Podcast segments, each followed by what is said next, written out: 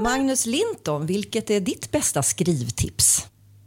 Ja, det är att starta, det svåraste är att starta en text eh, och då är mitt eh, tips att börja en start med ordet när.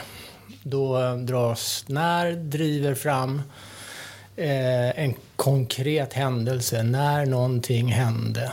Och sen kan man koppla på ett så så har man möjlighet att göra en intellektuell fördjupning av denna händelse och sen kan detta, möjligen en eller två eller möjligen tre meningar avslutas med ett kolon där man placerar in kanske ett effektivt citat eller eh, en uppseendeväckande term som kanske artikeln ska handla om eller boken om det nu är en bok eller eh, en dramatisk faktauppgift.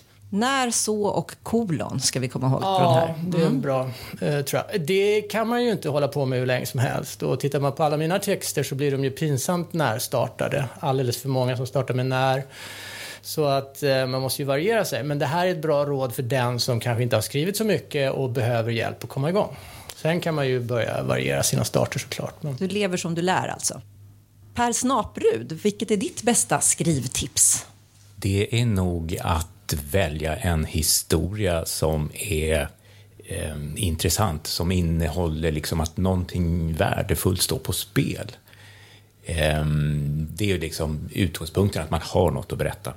Och sen finns det ju mycket att vinna på att till exempel läsa sin text högt för att få ett språk som, som funkar. Om man inte är så van att skriva till människor, vanligt folk, liksom, så, så är det ett bra tips. Vad är det som händer när man läser texten högt?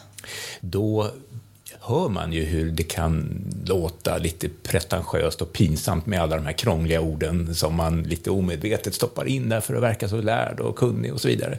När man säger dem så avslöjar det sig och då blir man lite mer eh, jordnära i sitt berättande.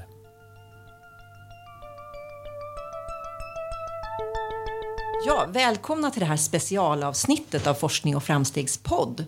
Och eh, här ska vi prata om vad forskare kan tänka på när de vill skriva populärvetenskapliga artiklar. Jag heter Lina Wennersten Gradert och är redaktör på Forskning och framsteg. Och Per Snaprud, du är min kollega och du är också redaktör på den här tidningen. Vi har ju den här otroliga roliga uppgiften att stötta forskare i att skriva. Vad skulle du säga Per, varför ska forskare skriva för forskning och framsteg? Jo, men det är ju folk som är experter på saker och ting. Och det är ju värdefullt att få en story från hästens egen mun, så att säga. Och det, det, ja, men det tycker jag är viktigt. För vi har ju också artiklar skrivna av journalister där de kanske intervjuar forskare och så. Det är ju den, den vanligaste formen ändå. Vad, vad, blir liksom skillnaden? Du sa hästens mun så att det, det, man får någonting annat. Mm.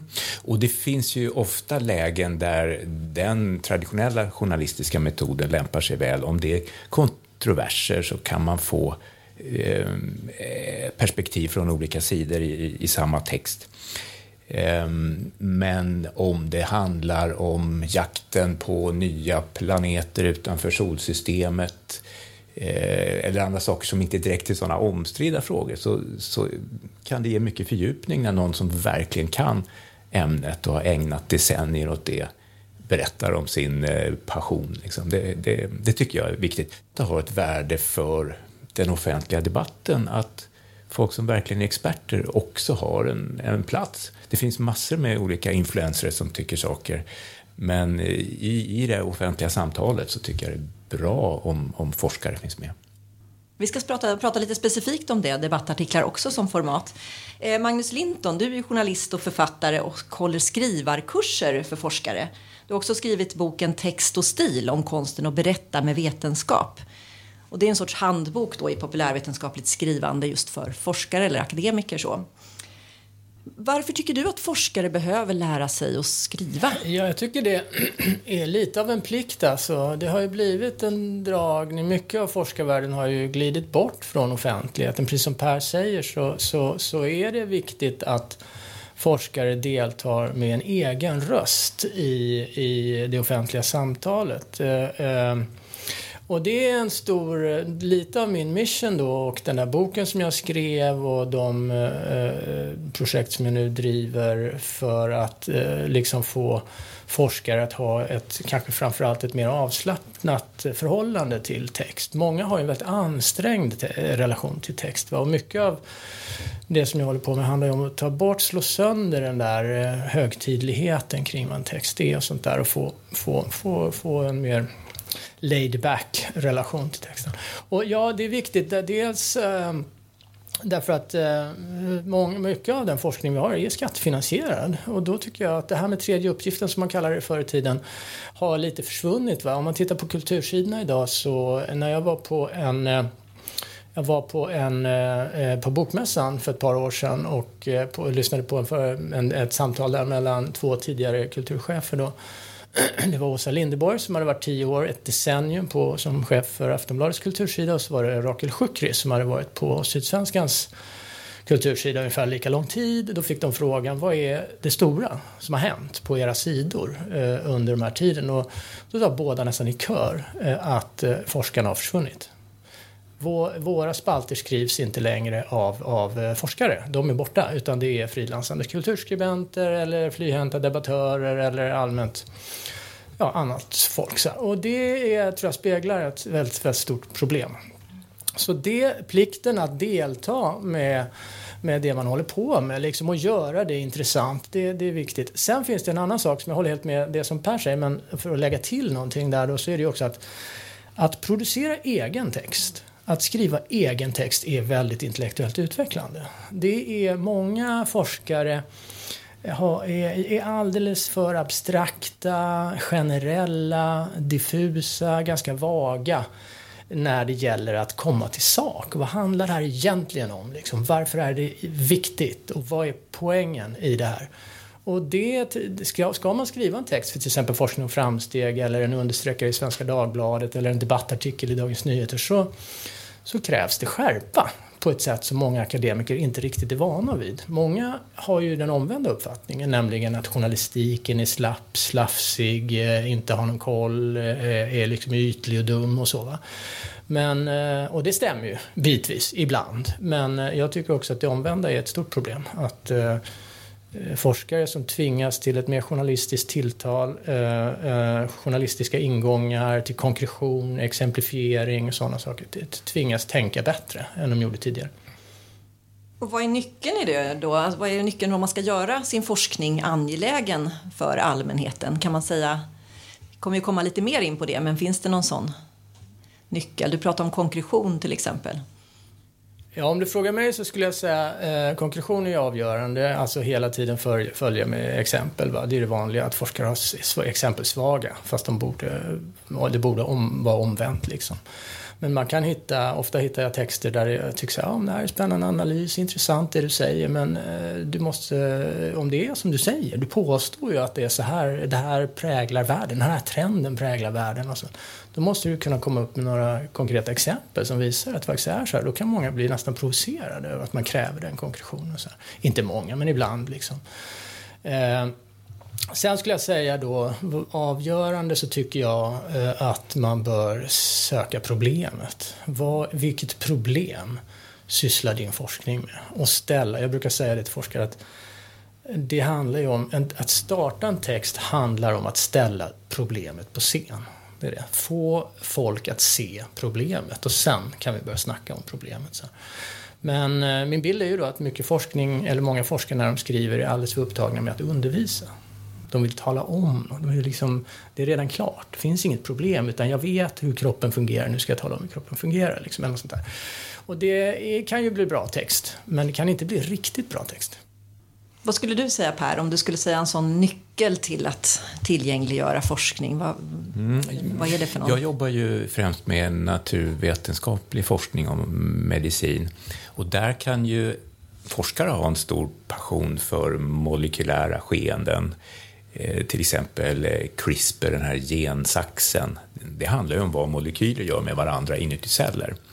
Och det är ju spännande för sig, men för att nå en stor allmänhet så behövs det ju en koppling till det mänskliga livet. Vad betyder det här för, för människor. Ehm, jag skrev om CRISPR i någon artikel som handlade om den första patienten som har blivit behandlad med det här eh, gensaxen direkt i blodomloppet.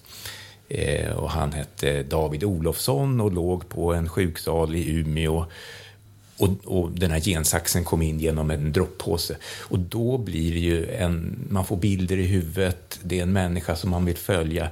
Det här är ganska enkla grepp, men, men det är sånt som gör att det blir lättare att relatera, sig, relatera till molekylerna. Och det, de är ju spännande, men de kommer, det blir mycket lättare att berätta om det när man väl har slagit fast att det här är också någonting som är väldigt påtagligt mänskligt och kroppsligt.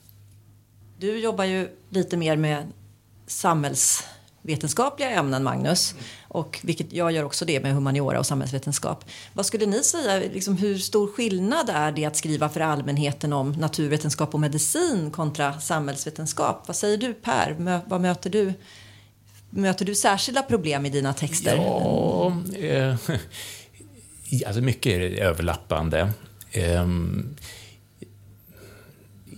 i, i eh, naturvetenskapliga sammanhang så kan man jobba ganska mycket med grafik. Det, sånt berättande blir komplement eh, till texterna. Eh, just det här med att göra saker mänskliga med, med liksom ja, humanioran är ju mänsklig per definition och samhällsvetenskap, men här kanske man behöver visa hur en ny eh, teknik ställer nya etiska frågor. Eh, så det är väl en, en... Men sen tror jag också att, jag vet inte, naturvetare kan vara rätt så ödmjuka språkligt och eh, då är det lätt att jobba ihop. Men jag tror att en del eh, humanioraforskare har en bild av sig själva som stora skribenter, men är det inom en tradition som är väldigt akademisk. Mm. Och då kanske det är svårt att lösgöra sig från det. Jag vet inte hur, vad din erfarenhet Jag skulle säga det, för du, du, Magnus, du jobbar ju också på Institutet för framtidsstudier där du är redaktör och hjälper forskare att nå ut.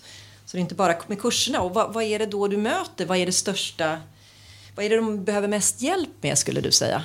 Eh, ja, det vanligaste är nog att många har en föreställning om att, det, att att skriva spetsigt och eh, snabbt och övertygande och så som, som ju liksom redaktörer inom den, de, de breda medierna efterfrågar. Eh, att det kräver ställningstaganden.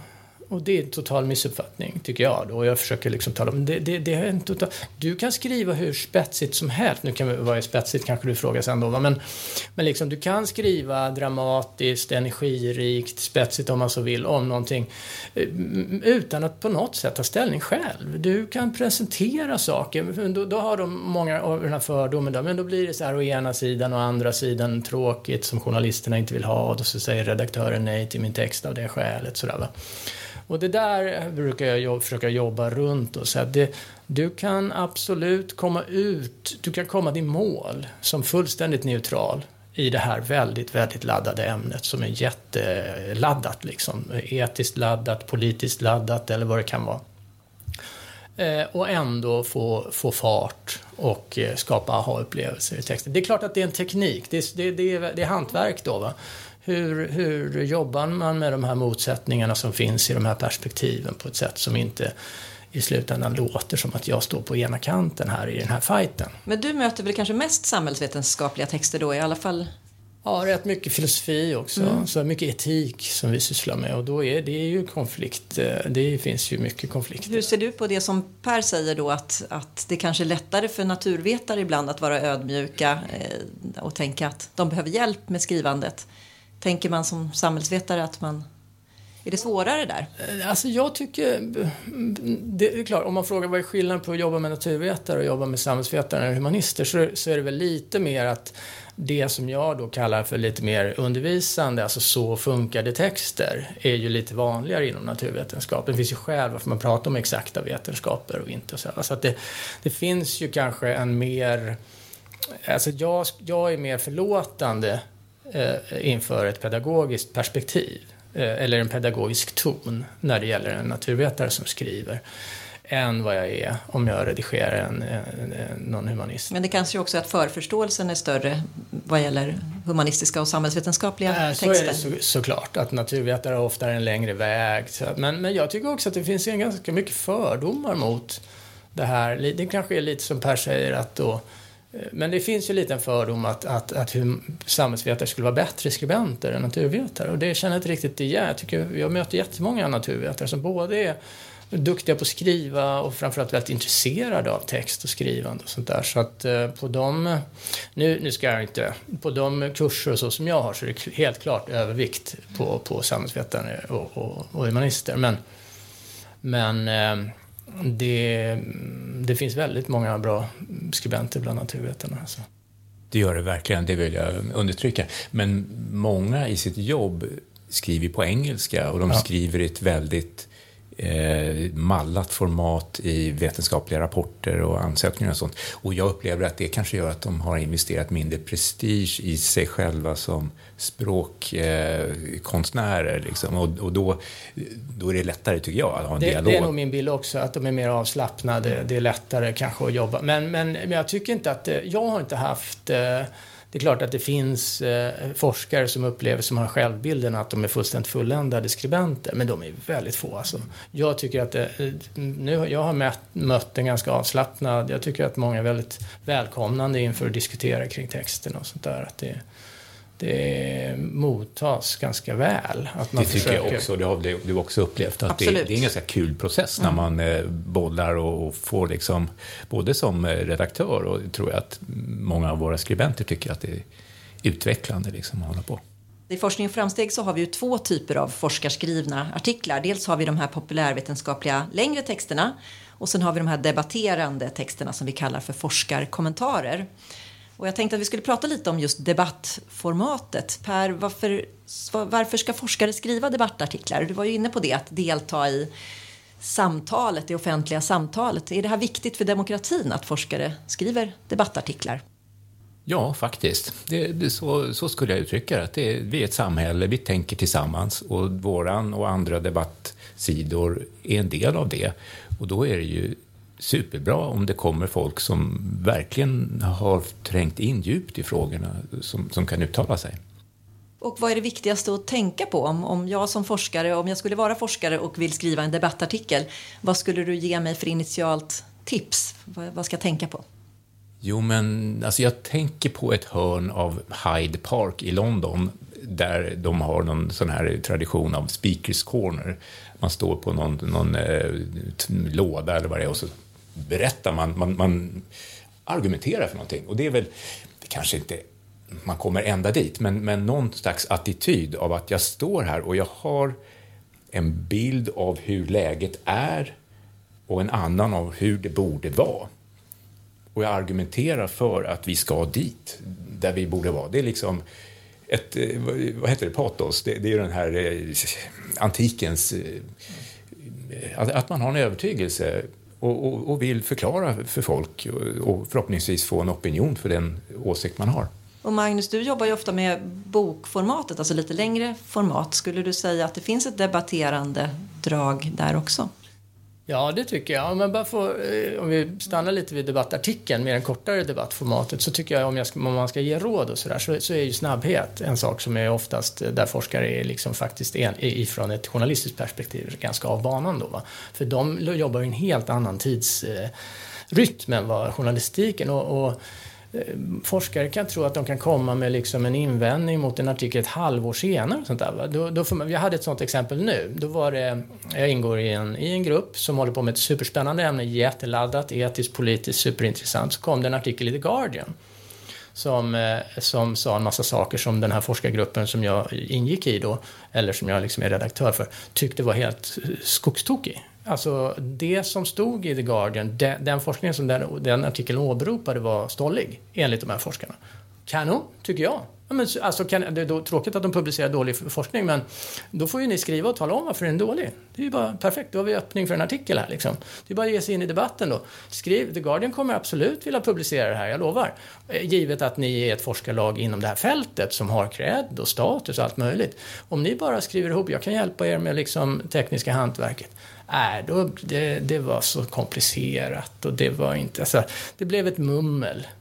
Så gick tiden och då är det för sent liksom. Sen ett halvår senare så plockade de upp, ja, vi kanske skulle skriva någonting ändå. Och då sa jag som det var. Ja, då sa jag det att sorry guys, men det, det, här, det här är en vecka ni har på er efter det att eh, den originalartikeln publicerade, eller publicerades. Så då gick ju vi som allmänhet förlorade ju den kunskapsbiten som jag tyckte att de hade faktiskt en plikt att meddela oss. För nu, ja, nu, den forskning som de som experter tycker var dålig och det här är ju en inomvetenskaplig konflikt så det exponerar ju också att det finns också jag tycker att vetenskapsbegreppet är lite komplicerat. Varför? Ibland blir det saker och ting vetenskapsstämplade och då är det någon sorts objektiva fakta. Men forskare är ju jätteoense om saker. Kanske mindre så, nej, även inom naturvetenskapen är det ju stora strider kring saker. Det kan vara begrepp som vissa, som är helt fundamentala för vissa forskare, som enligt andra forskare är all bullshit. Bara ett, ett luftbegrepp, finns inget i det, har inget analytiskt värde överhuvudtaget.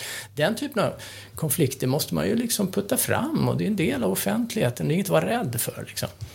Sen var din en fråga om boken då. Eh, och debattboken och att man kan, att det, och det är ju ett underbart format som jag tycker att då, det är väldigt fint att forskare eh, om de kan, ska använda sig av. Att man kan få liksom 250 sidor att samla ihop sig kring ett problem som man vill liksom som man kanske tycker då, det kan ju vara olika mm, debattladdning i det liksom, men men jag har ju själv skrivit ett antal böcker, jag är ju inte forskare själv då, men då har det ju varit att det, man ser att här på det här fältet så saknas det tänkande, en kunskap och här, nu ska jag ta reda på det. Och så. Det är ju en ganska stor process att skriva en bok liksom. Men jag håller ju på med många forskare nu som vill skriva sin första bok och så är det ju superkul att jobba med. Jag tänkte också fråga, det som jag möter ibland, det är ju det här att forskare är lite obekväma. Du var inne på det Magnus också, att de kan vara lite obekväma med att uttrycka en åsikt. Att, det blir, att, det, att man är ovan vid det som forskare.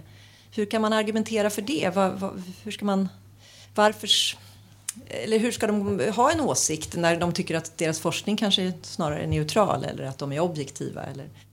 Mm, men jag tror att forskare som alla andra faktiskt har åsikter.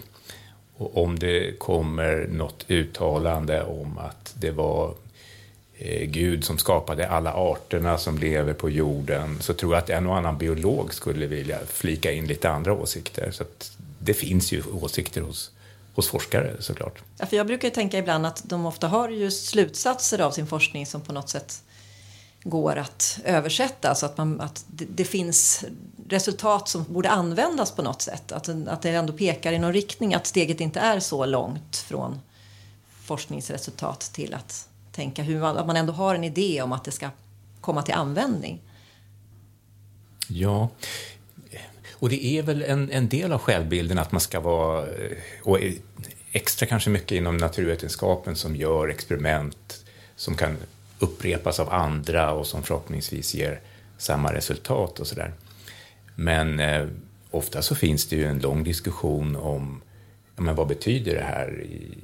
Har du några exempel på vad, vad, du tycker har fungerat bra som forskarkommentarer eller ämnen som, som fungerar för det här ja, formatet? Det ska ju gärna vara ämnen som, som eh, angår många människor. Eh, jag hade en artikel av um, Åsa Nilssonne som är psykiater som skrev om, om serotonin och depressioner. Um, och att alltså, serotonin kan inte förklara alla depressioner var väl eh, hennes... Eh, hon kommenterade en översiktsartikel som just hade kommit ut som var en vetenskaplig sammanställning av data. Och då fanns det ju olika sätt att se på den här sammanställningen. Så det blev en bra diskussion där andra forskare kom med andra tolkningar.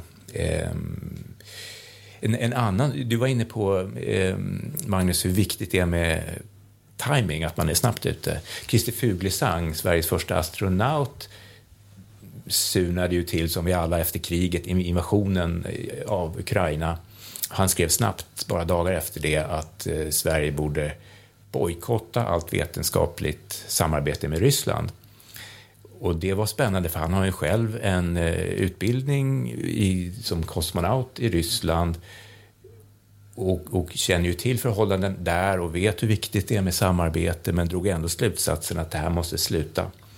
Andra debattörer kom in och hade andra åsikter och menade att de enskilda forskarna är ju inte ansvariga för vad staten gör. Och vi fick en väldigt bra diskussion. Liksom, när man läser de olika inläggen i den frågan så tyckte jag man blev eh, klokare.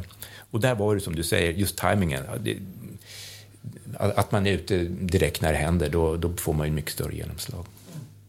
Jag skulle vilja lägga till där också att mm, det, det mesta är ju åsikter alltså egentligen. Det är klart att det finns liksom, men, men kring så fort man går spjälka sönder saker så, här, så är det strider om allt möjligt alltså. Det, det är väldigt lite som är konfliktfritt liksom. Mm. Jag skulle ändå som naturvetare vilja säga att även om man inte absolut säker på någonting här i världen så om jag öppnar fönstret här utanför och hoppar ner så kommer jag ramla neråt och stå med. Liksom, det, det, finns en del Absolut, fakta. den verkligheten är ju, tror jag, ganska överens om. Igen. Men, men, men liksom utöver de där, vad, vad, är, vad är en kvinna till exempel? Ja, det, det är ju eh, kanske ganska uppenbart för många sådär. Men sen så när man går ner och börjar plocka sönder det där så, så är ju, eh, då finns det väl stora strider där. Om begrepp,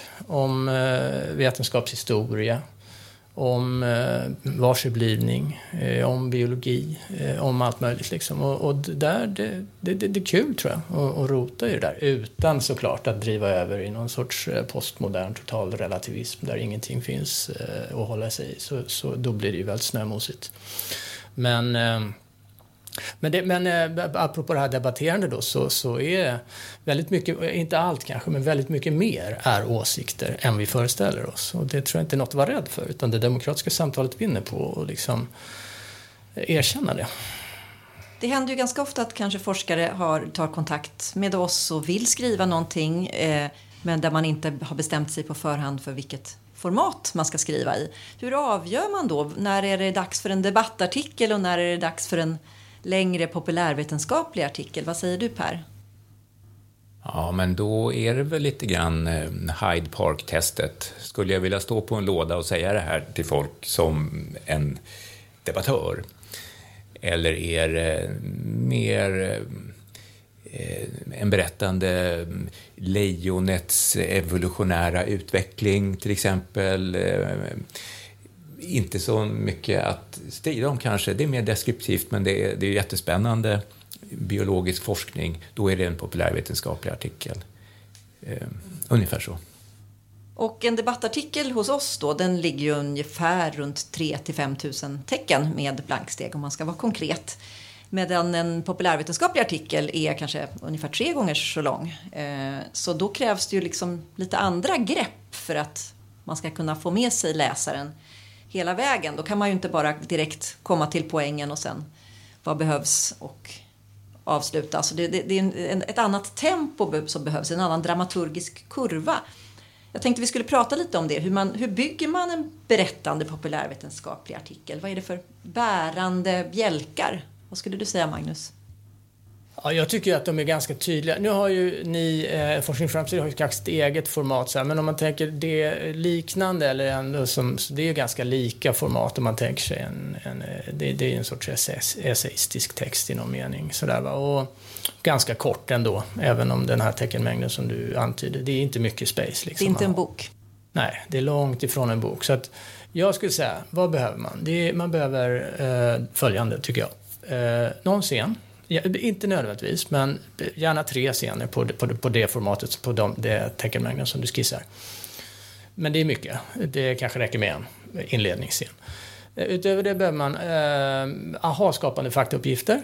Alltså fakta är alltid liksom, det, det, det, fakta är liksom textens guld väl avvägda och att man plockar fram de rätta, köttiga faktauppgifterna. De som verkligen får en att tänka att oh shit, är det så? Är det så? Nej, men, är det så stort eller litet eller galet eller dog så många? Inte vet jag.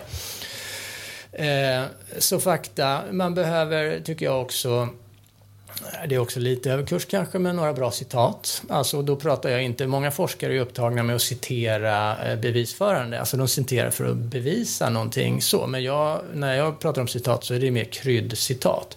Saker som är sagda på ett sätt som precis som en faktauppgift gör, att det blir förhöjande i texten. Någon sa, någon kondenserade någonting på ett väldigt dramatiskt sätt eller sa det på ett vardagligt sätt som gjorde att det blev, fick effekt. Eh, scenfakta, citat eh, och sen såklart exempel då. Det är lite samma sak som scen ibland. Ibland är ju en scen just ett, ett, ett utskrivet exempel. Men alltså illustrativa exempel som bevisar att den analys jag håller på med liksom har fäste i marken. Apropå liksom hela tiden knyta det mot verkligheten då.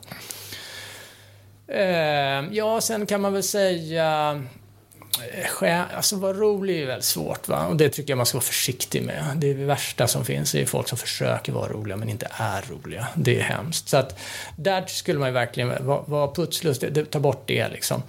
Men sen också kanske någonting om äh, slut. Va? Folk är, många är, att avsluta en text är ju också en konst. Hur ska jag avsluta det här? Och då brukar jag propagera för lite det förberedda slutet. Att man ska känna i texten. Det är klart att man kan titta på spalterna eller på boksidorna och dra slutsatsen snart är det här slut. Det fattar vem som helst att nu är det sista stycket. Då, klart att, men att man känner att slutet an, liksom börjar, börjar komma fram va, i det som händer i texten.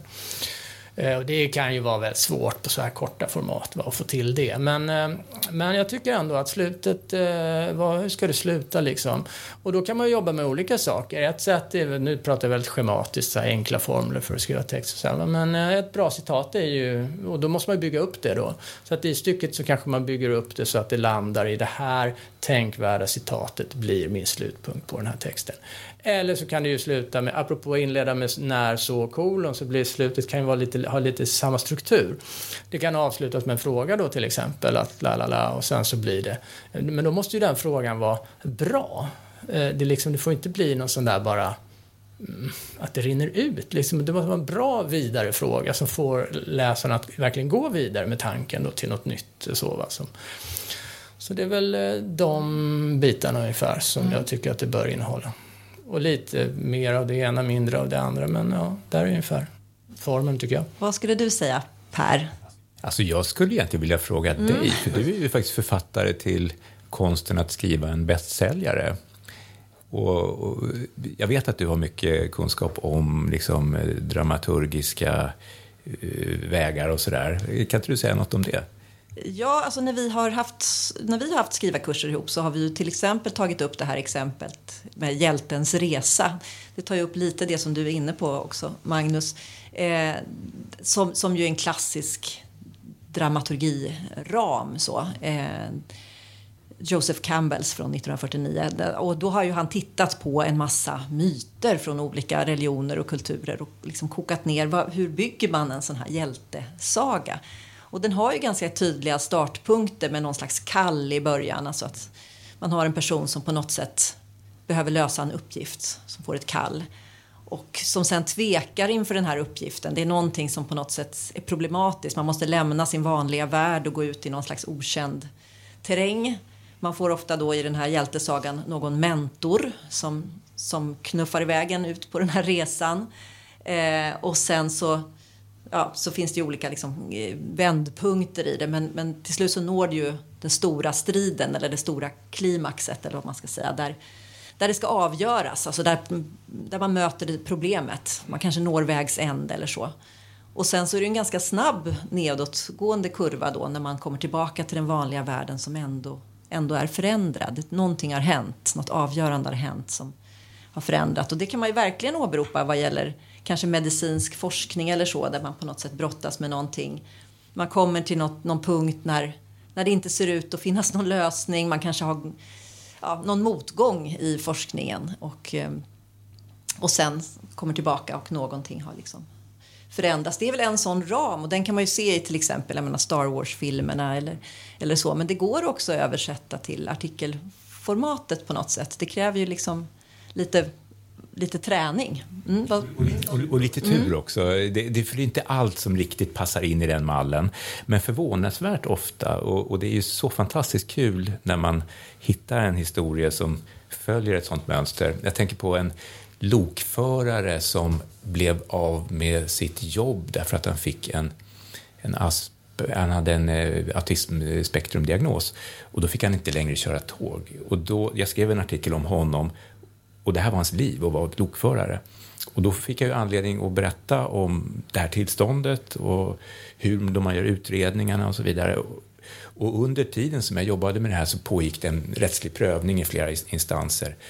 Och, och, och, han fick ju hjälp av sitt fack och så vidare. Det var verkligen den här eh, resan. Och, eh, och han var väldigt ledsen och sådär. Men det slutade med att han fick kliva in i ett lok och köra tåg igen. Och på vägen så hade, så hade jag möjlighet att berätta en massa om, om den här vetenskapen då, om, om vad eh, diagnosen innebär och så vidare. Så det, det, då är det jättekul att skriva. Mm. Ja, och även om det inte är den här eh, hjältens resa på det sättet så kan man ju ändå översätta det till en sorts dramaturgisk kurva så att man måste ha en ganska så rapp start. En sorts ja, men, scen som du tar upp som exempel till exempel. Och sen kan man ju på något sätt glida in i en lite mer, alltså ett lugnare tempo där man kanske presenterar ämnet, vidgar bilden. Och sen måste man ju på något sätt jobba sig upp mot någon slags konflikt eller någon vändpunkt, vad som står på spel. Kan jag få läsa en mm. inledning till en artikel ja. som jag tycker är svinbra? Det är konkretion. Ja, vår kollega Anna Liljeman skrev om jordskred. Och hennes text börjar I flera år är lyktstolpen sned. Grannar noterar också att lutningen successivt ökar med åren, men de tänker inte så mycket på det. Inte förrän efteråt. Mm. Bra då får man en bild i huvudet. Liksom. Man ja, måste se för sig hela jordskredet. Ja, ja. Ett bra tips angående, det har inte kanske så mycket med struktur att göra, men lite, det är ju...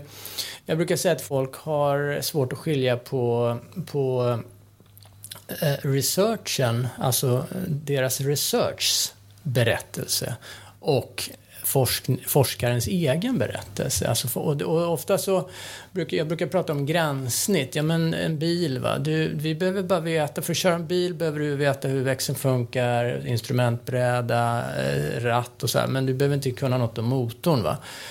Och en del forskare river ju in hela motorn i sin berättelse. Och metod, hur saker och ting har gått till, är oftast inte så intressant. Det kan ju vara det om det är en hel bok. Va? Men en, så att där brukar jag vara väldigt hård och skilj på eh, eh, liksom, eh, forskningens berättelse och forskarens berättelse. Och du som forskare är oftast inte särskilt intressant. Ibland finns det jag-potential och att, att man själv och hur man har gått tillväga och hur det gick till och så och jag och jag så kan. Men det är mycket mer sällsynt än vad forskare tror. Och det tycker jag är lite av en det, det, är lite svårt. Det, det, jag tror att, eh, ja där är kanske, det, har vi olika uppfattning där. Ja. Ni, ni är säkert mer jag-pushande eh, i, när ni redigerar och vill och så här. Det, det, jag håller med om det till mycket, men ibland går det överstyr, tycker jag med jaget. Va? Och folk river, ja, det blir omotiverad jag ibland i texter. Det upplever inte jag. Eh, utan och ibland så är det kanske omotiverat, men ja, alltså, jag har haft texter där till exempel en kille som skriver om eh, hur man använder magiska trick i, eh, forsk i psykologisk forskning. Och han har också en lång erfarenhet av att vara professionell magiker. Och då flyter ju liksom... Då flyter det samman väldigt bra. Ja, och även det här som jag nämnde med eh, Christer Fuglesang. Han har ju faktiskt levt bland kosmonauter i Ryssland och då är den erfarenheten Eh, en del av... Eh, Då är det en del av berättelsen, absolut. Ja, precis. Och, och jag skulle gärna vilja uppmuntra folk att titta i sitt liv. Är det någonting där som också flyter in i min forskning? Och berätta absolut. om det. Och då blir ju redaktörens hjälp, eller redaktörens uppgift att hjälpa dem till rätt sånt ögonblick i det personliga livet. För att min bild är att ofta blir det fel. De, tar, de ser inte vilken av den egna personens erfarenheter eller scener eller så som är den rätta för att berätta. För att en, en, jag tycker då, apropå det här start och scen och så här, när jag upp, uppmanar forskare då att börja med antingen en, en scen eller en anekdot, kan ju jättegärna vara en personlig anekdot, med jag-berättad anekdot som drar igång texten. Men då måste ju den anekdoten eller den scenen leda vidare mot det som ska analyseras. Och där är det ofta glapp. Ja, jag tycker inte jag ser nej, det, det problemet. Nej, fantastiskt om jag, du inte gör det. Jag gör det ganska ofta. Att det, jag läser scenen och så konstaterar jag, ja det här var ju en intressant scen, en intressant anekdot. Men den, du, den leder ju inte till den frågan som sen texten går över och diskuterar. Den leder till en annan fråga och den diskuterar du inte och då blir det ett problem. Så. Det kan det vara, men det kan ju också vara det är ibland lättare att ta bort än att lägga till. Det vill säga får man någonting sånt som är ovidkommande så kan man ju ganska lätt redigera bort eller, eller styra om det. Men det svåra är ju det man inte har. Om man, om man får en väldigt kondenserad text som inte innehåller några sådana scener eller personliga detaljer så, så är det svårare för en redaktör att lägga till det för den vet inte om de sakerna. Så att... Jag håller jättemycket med om det. Och de skribenter som jag ofta träffar är ju eh, drillande i den naturvetenskapliga traditionen av supermallade texter. Som är kalla liksom? De, är, de, är, de ska vara, verkligen vara superobjektiva. Ja, ja. Om man ser historiskt så har ju forskare, i synnerhet medicinska forskare, varit väldigt mycket mer berättande för hundra år sedan eller mm. så. Mm. En tra tradition som egentligen, ja, som Oliver Sacks har väl fortsatt med, den neurologen som mm. har skrivit mm. en massa böcker. Ehm, men jag vill gärna se lite mer sånt mänskligt berättande till skillnad från den här super eh, objektiva som funkar i, i rapportsammanhang mm. men som man inte kan läsa på obetald arbetstid. Nej, jag håller med om det, jag tror att det, men det är, olika, det är olika problem så det är ju väldigt glädjande att ni inte ser de problemen så mycket i de texter som ni har med att göra. Men jag, jag tycker att det, Eh, det finns lite en missuppfattning kring jag-berättande. Liksom där eh, en, ett, ett, ett jag-berättande är ju inte per, per definition personligt. Utan ibland så tror forskare att om jag ska skriva en personlig text så måste jag ha ett jag. Det är inte nödvändigt alltid. Det kan och ofta funka bra så här, men, eh, och, och, och, men man kan ju skriva personliga texter som inte har ett jag. Och de behöver inte vara kalla bara för att det inte finns ett jag i texten så att säga. Utan det kan vara en väldigt levande eh, högt tempo, eh, personlig text som inte går via den eg det egna jaget. Det är möjligt att skriva sådana texter. Liksom. Och det, ibland kände jag att folk, eh, att jaget kan också stå i vägen ibland för berättelsen. Vi pratade om några sådana ingredienser, konflikter är en viktig och, och aha-fakta eller sådana här fantastiska fakta eller så. Och du har också lyft fram det här med människor och hur människor påverkas av någonting. Alltså den person som faktiskt får den här gensaxen eh, som behandling. Eh, och, och metaforer och bilder har vi varit inne på och personliga historier. Det finns ju också det här med en gåta. Eh, alltså att man på något sätt får följa någonting och vara med om en gåtas lösning. Då är det också lite lättare kanske att följa den här dramaturgiska kurvan, alltså att man har en, en, ett deckartänkande. Vi har en väldigt populär artik ett populärt artikelformat som heter Fallet i Forskning och framsteg. Där man får följa då någon läkare som eh, ställs inför en, en patient som, som han eller hon inte riktigt kan diagnostisera och, och berättelsen utvecklas och man får liksom följa med i den här gåtan. Vad är det för fel? Det blir bara värre och värre och det hjälper inte. Och sen till slut så når man någon slags klimax med, med, någon, med någon vändpunkt. Och det är också en struktur som, som man kan använda sig av. Eh, som forskare, tänker jag. Jag tänkte också just på exempel och så. Eh, för du var lite känslig för, för jag onödigt jag-berättande. Men det finns ju också andra sätt att få in personligt berättande, till exempel i form av ett case.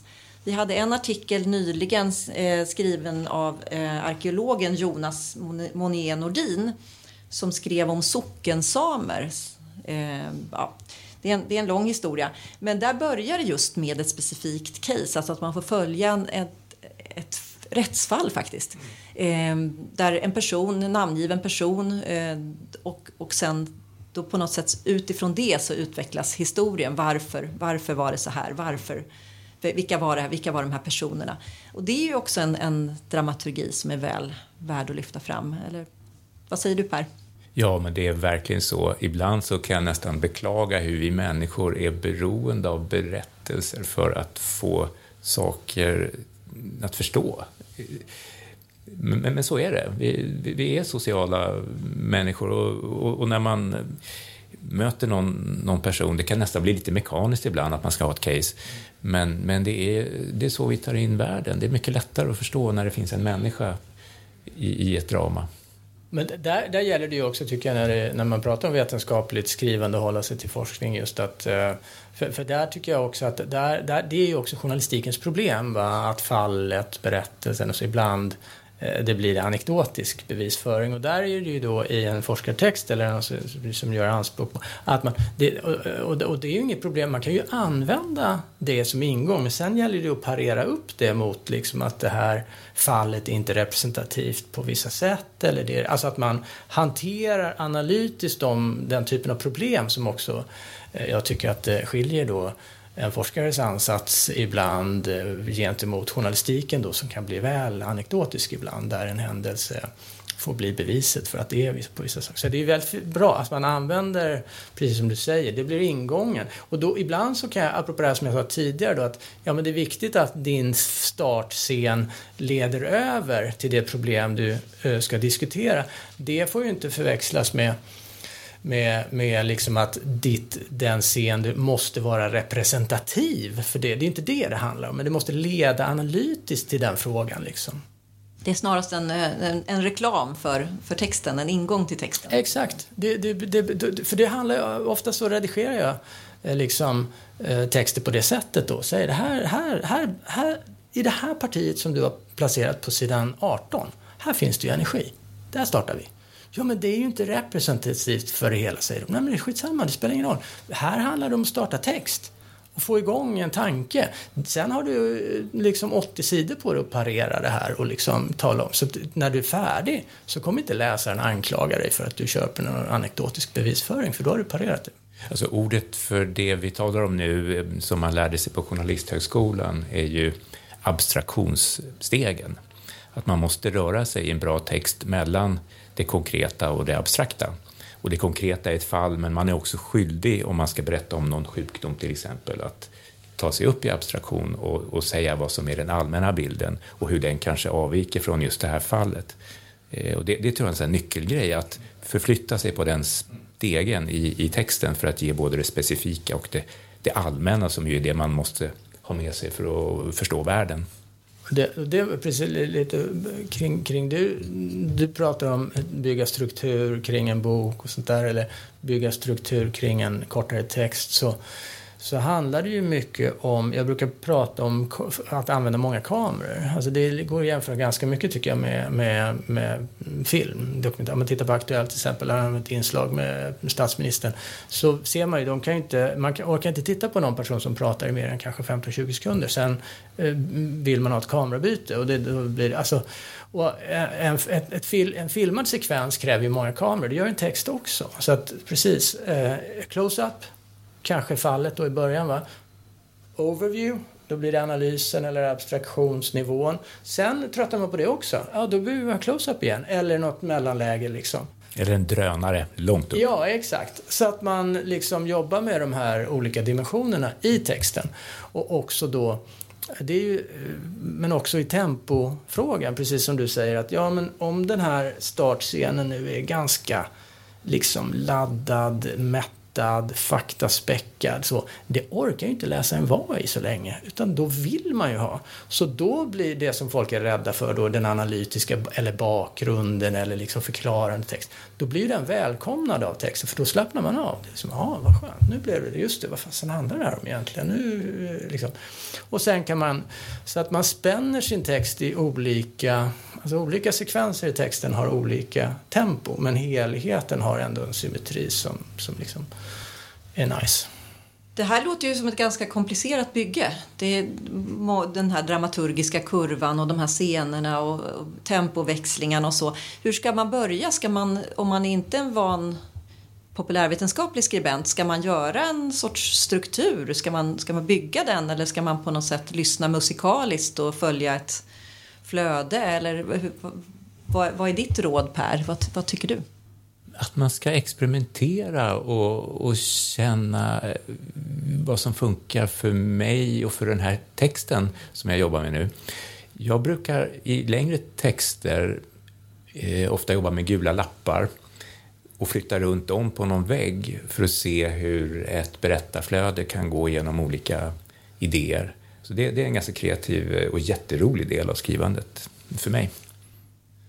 Vad säger du Magnus? Eh, ja, jag tycker liksom att man måste, man måste ju ha något att säga. Det är ju grunden, precis som du inledde med att säga. Att man måste, och då, det, det är, jag tycker att det är väldigt bra att kunna kondensera sitt budskap i någon typ... Det, det, folk gnäller på det här Twitter-samhället, bruset, elaka redaktörer som sätter, sätter kvällstidningsrubriker och allt möjligt. Men det är bra att tänka igenom sitt, så här, i, vad, är, vad, vad, vill jag säga i en mening eller möjligen två. Va? Att man har formulerat det och, att, och, och, då kan man ställa frågan, är, det, vill folk, är din folk intresserade av det? Kanske de inte är, Nej, men då kanske inte det här är en text, då kanske jag får vänta och jag fortsätter med forskning tills jag har något att säga. Så att, att liksom eh, verkligen tänka i, igenom det, men när man har det och är säker på att det här är intressant då tycker jag att de här byggklossarna som jag, alltså det, det, det, det tycker jag är ganska bra. Att man säger okej, okay, jag behöver då ett antal faktauppgifter som bevisar att det är så här som jag påstår och jag behöver kanske några citat. Jag behöver någon scen, åtminstone en, kanske tre. Eh, och, och, sen så kan man då sätta sig och börja kamma ihop där, skriva ut det liksom. Och sen ett annat råd som jag tycker är väldigt, eh, det, det vanligaste är ju att det här blir som du säger, det, det låter komplicerat, det, det är inte jättekomplicerat men det måste ju vara fungera. Eh, när ni ska publicera en sån här populärvetenskaplig text av lite längre sort, då, ja, eh, ni, det måste ju vara begripligt då. Och, och, oftast är det ju inte riktigt begripligt. Det är ju det första, en redaktör håller ju inte på med såna här sofistikerade strukturproblem problem som vi diskuterar nu, utan det vanliga är ju liksom att vi måste bara få ordning på logiken här, liksom, så att man fattar vad det är. Och då brukar jag uppmana mm, skribenter att prova din text när du tycker att den är klar, när du tycker att det här borde vara begripligt för ganska många normalbegåvade människor som är läskunniga. Så testa den då inte på expertis eller så, utan testa den på, på, på din partner eller någon liksom som är så här och det brukar jag göra. Och då, för de är ju inte heller, man är ju lite ängslig. Så att lämna ifrån sig en text är ju ganska, det är ju det är att blotta sig. Det är liksom ganska känsligt tillstånd. Om man har varit professionell skribent ett tag så kanske det inte är så dramatiskt. Men om man inte är det så är det känsligt. Så här, man, inte, man vill ju inte bli sågad eller nedslagen då. Så att den första är ju då, och, och då kan man fungera, är det här begripligt? Det brukar jag, jag brukar prova på min tjej då. Kan inte du bara läsa det här? Fun, liksom, fattar du vad jag vill säga? Hänger ihop. Eh, vad är töntigt? Försöker jag vara lustig på ställen som inte... Försöker jag vara ironisk eller, eller ha attityd där, där det inte går fram eller bara låter fånigt och sådana grejer. Och så säger hon och sen så skickar jag till sakkunskapen.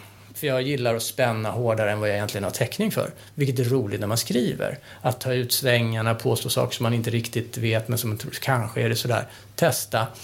Och sen skickar man iväg det till någon professor som man vet kan mycket mer än vad jag kan om det här. Och sen håller det här. Eller snackar skit. Liksom, stämmer det här?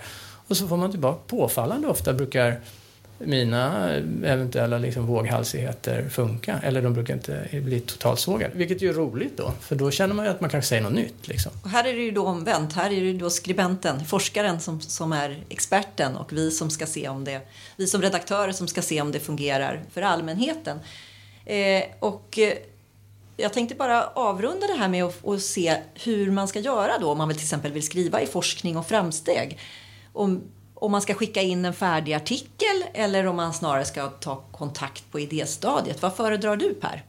Jag föredrar nog en kontakt på idéstadiet, för då kan man tillsammans eh, bolla lite idéer och kanske ha ett samtal som slutar i en fråga om, om ett synopsis. Kan du skriva en, en A4 med punkter på vad du skulle vilja ha med? Vilka, vilka idéer skulle det vara? Eh, det, det, ja, men det händer väl att jag får någon, någon text som är skriven, men jag tror att det är summan av eh, jobb som behöver gå in tror jag blir mindre om man, om man tidigt börjar prata med en redaktör. För då kan man ju också prata om vilket format som är lämpligt. Alltså ibland, I vissa fall så är det ju en tydlig debattartikel. I vissa fall behöver man bygga en berättelse och då kan man ju prata om vad är det som man ska fokusera på i den berättelsen eller hjälpa till lite initialt med en start eller så. Ja, och inte minst eh, grafik som är en väldigt viktig del av berättandet i forskning och framsteg. Där kan man komma fram till vilka delar som gör sig bäst där och då kan man lätta textberättandet från en massa detaljer som annars skulle tröga upp. Sådär. Ehm, så det, det finns, ja, men det initiala samtalet kan leda ganska långt i själva skrivandet. Ja, och om det nu är någon som har känt att det här verkar svårt eller så, så kan man ju också veta det, att man får väldigt mycket hjälp, redaktörshjälp. Vi har ju det som en del av vår roll, att hjälpa er som är forskare att skriva och att färdigställa texten. Och jag vill också gärna tipsa, om, tipsa dig som är forskare och vill skriva i forskning och framsteg om att gå in på Skriv i FOF på fof.se. Man hittar den genom att söka där direkt. Länken finns också i poddavsnittets text. Och eh, därmed så vill jag tacka er, Magnus Linton och Per Snaprud, för att ni var med i det här specialavsnittet av Forskning och framstegspodd. Tack så mycket. Tack, jättekul. Och eh, för ljudteknik och klippning och vignett så står Per Dalhjelm och jag heter Lina Wennersten Gradert. Tack för att du lyssnade.